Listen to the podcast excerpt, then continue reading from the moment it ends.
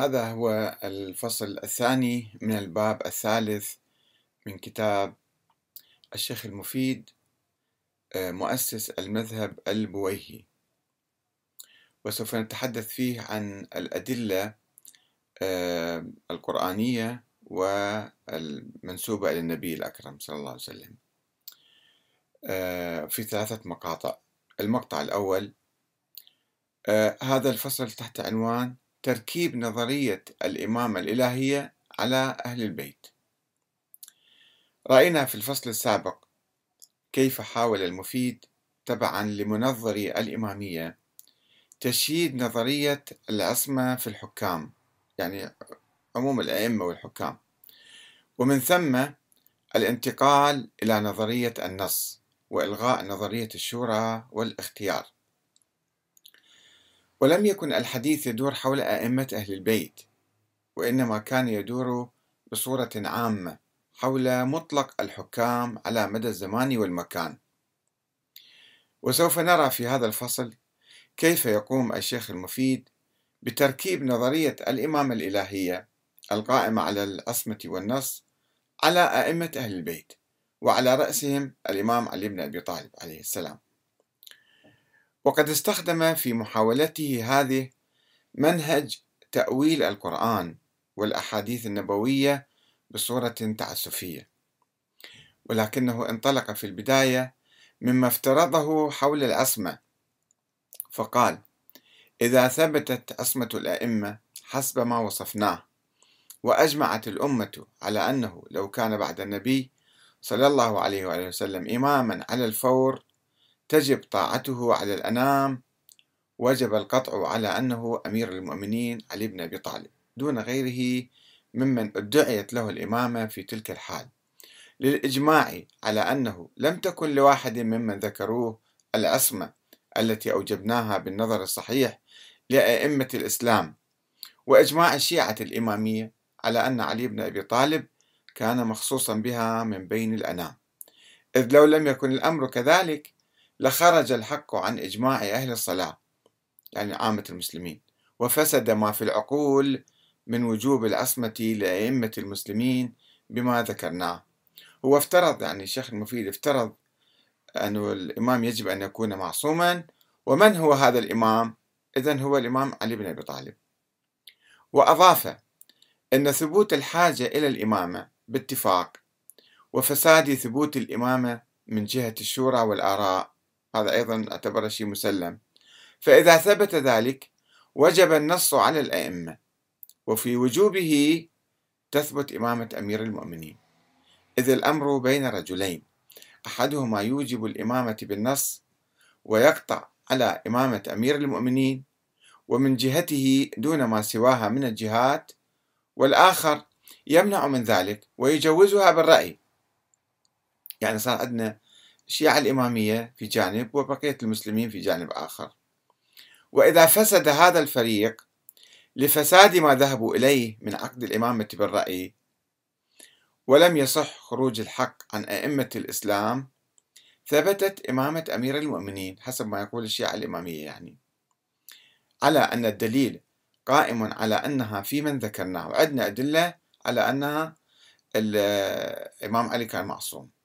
لأن الأمر ورد باتباعهم على الإطلاق وللأمر. يعني يا الذين آمنوا أطيعوا الله وأطيعوا الرسول وأولي الأمر منكم. مطلق الآية. وذلك يوجب عصمتهم وبراءة ساحتهم والأمان من زللهم بدلالة إطلاق الأمر باتباعهم. أنه أطيعوهم. والعصمة توجب, توجب النص على صاحبها بلا ارتياب. وإذا اتفق مخالفون على نفي العصمة والنص. عمن ادعوا له تأويل هذه الآية يعني عامة المسلمين غير الإمامية يقولون أنه يجب أن نطيع الحاكم أو ولي الأمر وهو غير معصوم ولا ولا يوجد عليه نص. هذا متفقين عليه.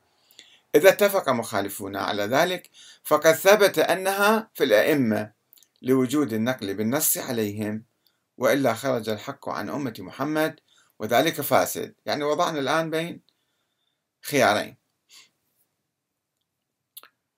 ويرد على المفيد بأنه إذا لم تثبت نظرية العصمة وهي غير ثابتة فلا يمكن افتراض وجود هذه الصفة في أحد ولا يمكن بالتالي إبطال نظرية الشورى والاختيار. وبالتالي فلا حاجة للقول بحصر الإمامة في علي بن أبي طالب ولا القول بعصمته. لسنا مضطرين أن نقول ذلك يعني. أليف الاستعانة بتأويل القرآن. يحاول الشيخ المفيد دعم فرضيته بوجود نص على الإمام علي وذريته من بعده بتأويل بضعة آيات من القرآن الكريم تأويلا تعسفيا. وهي آيات عامة لا تحمل معنى النص بالخلافة ولا بكونها في الإمام علي.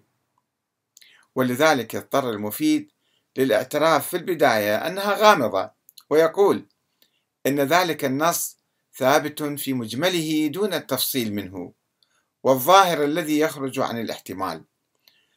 ولو كان ظاهرا في القرآن على التفصيل والبيان لما وقع فيه تنازع واختلاف. ومع ذلك يقول ليس وجوده في المحتمل من الكلام يعني صار احتمال ما صار أكيد. ليس وجوده في المحتمل من الكلام بمانع من قيام الحجة به على الأنام كما كان النص على رسول الله صلى الله عليه وسلم بالنبوة والبشارة به في مجمل كلام الله سبحانه من التوراة والإنجيل ولم يكن ذلك مانعا من قيام الحجة به على الأنام. وكما ثبت عند المخالف لنا إمامة أئمتهم وإن لم يكن عليها نص جلي من القرآن وثبت أنهم في الجنة على قولهم بالنص عن النبي صلى الله عليه وآله وسلم وإن لم يكن ذلك موجودا في نصوص القرآن. فكذلك ثبتت إمامة أمير المؤمنين بالنص من رسول الله صلى الله عليه وآله وإن لم يكن ذلك مودعا في صريح القرآن. يعني راح يستعين بالأحاديث على آه، تأويل القرآن. وهذا استدلال عجيب وقياس باطل على نبوة النبي محمد صلى الله عليه وآله وسلم وإمامة الخلفاء الآخرين. حيث لم يقل أحد من أهل السنة بوجود نص على إمامتهم وإنما قالوا ثبتت إمامتهم عن طريق الشورى والاختيار. على العكس مما يقول المفيد والإمامية بوجود نص على الإمام علي بالإمامة. وعلى الرغم من الاستدلال على النص بتأويل القرآن فإن المفيد يستشهد بعدة آيات ويقول بكل جرأة من المواضع التي ثبت فيها النص على إمامة أمير المؤمنين من مجمل القرآن قوله تعالى يا أيها الذين آمنوا أطيعوا الله وأطيعوا الرسول وأولي الأمر منكم فإن تنازعتم في شيء فردوه إلى الله والرسول. إن كنتم تؤمنون بالله واليوم الآخر ذلك خير وأحسن تأويلا. ففرض طاعة أولياء الأمر أو ففرض طاعة أولياء الأمر كطاعة نفسه ونبيه. وأمير المؤمنين من أولياء الأمر بغير إشكال فإذا هذا الله يوجب طاعته. وقال أيضا شيخ المفيد أن الدليل على إمامة أمير المؤمنين من كتاب الله وسنة نبيه ومن إجماع المسلمين. من كتاب الله يا أيها الذين آمنوا أطيعوا الله وأطيعوا الرسول وأولي الأمر منكم. نظرنا في أقاويل الأمة. فقال بعضهم أولي الأمر هم أمراء السرايا. وقال بعضهم العلماء. وقال بعضهم هم القوام على الناس والآمرون بالمعروف والناهون عن المنكر. وقال بعضهم هم علي بن أبي طالب والأئمة من ذريته. وكل تلك الصفات تنطبق على علي آه، باتفاق الأمة وإجماعها. فوجب أن يكون إماما بهذه الآية لوجود الاتفاق على أنه معني بها ولم يجب العدول إلى غيره والاعتراف بإمامته لوجود الاختلاف في ذلك. ولو صح الاستشهاد بهذه الآية على نظرية النص فيمكن الاستدلال بها أيضا على صحة إمامة الخلفاء الآخرين وكل من أصبح وليا للأمر ولكنها في الحقيقة بعيدة عن المرام. ويستشهد المفيد بآية أخرى هي وأولو الأرحام بعضهم أولى ببعض في كتاب الله من المؤمنين والمهاجرين.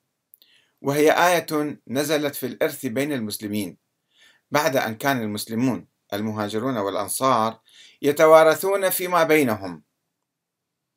ولكن المفيد يحاول أن يؤولها في الإمامة ويذهب إلى وراثة الإمام علي للنبي صلى الله عليه وآله وسلم ويقول إذا أوجب الله للأقرب برسول الله الولاية وحكم بأنه أولى من غيره وجب أن أمير المؤمنين كان أولى بمقام رسول الله من كل أحد.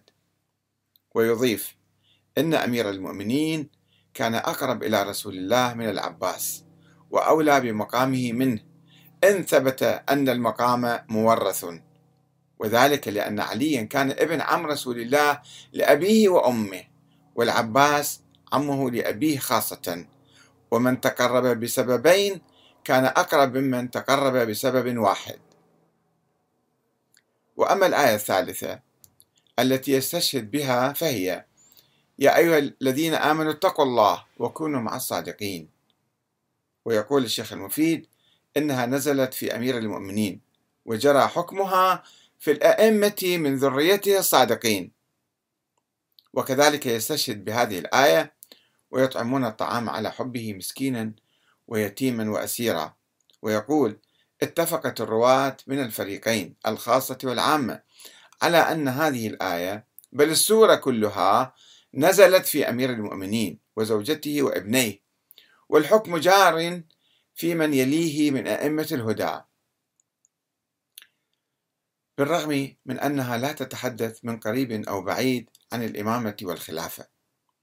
وأخيرا يستشهد بآية المباهلة فمن حاجك فيه من بعد ما جاءك من العلم فقل تعالوا ندعو أبناءنا وأبناءكم ونساءنا ونساءكم وأنفسنا وأنفسكم ثم نبتهل فنجعل لعنة الله على الكاذبين. وكما نرى أن جميع هذه الآيات عامة ولا تتحدث عن الإمامة والحكم والخلافة يعني فضلا عن النص على الإمام علي بالخلافة. وقد كفانا المفيد بنفسه مؤونة ردها. بعد أن اعترف في البداية أنها مجملة غير بينة ولا مفصلة. نتوقف هنا آه، في هذا المقطع لننتقل إلى المقطع التالي آه، الاستدلال باء الاستدلال بالسنة النبوية على النص على الإمام علي بالإمامة. والسلام عليكم ورحمة الله وبركاته.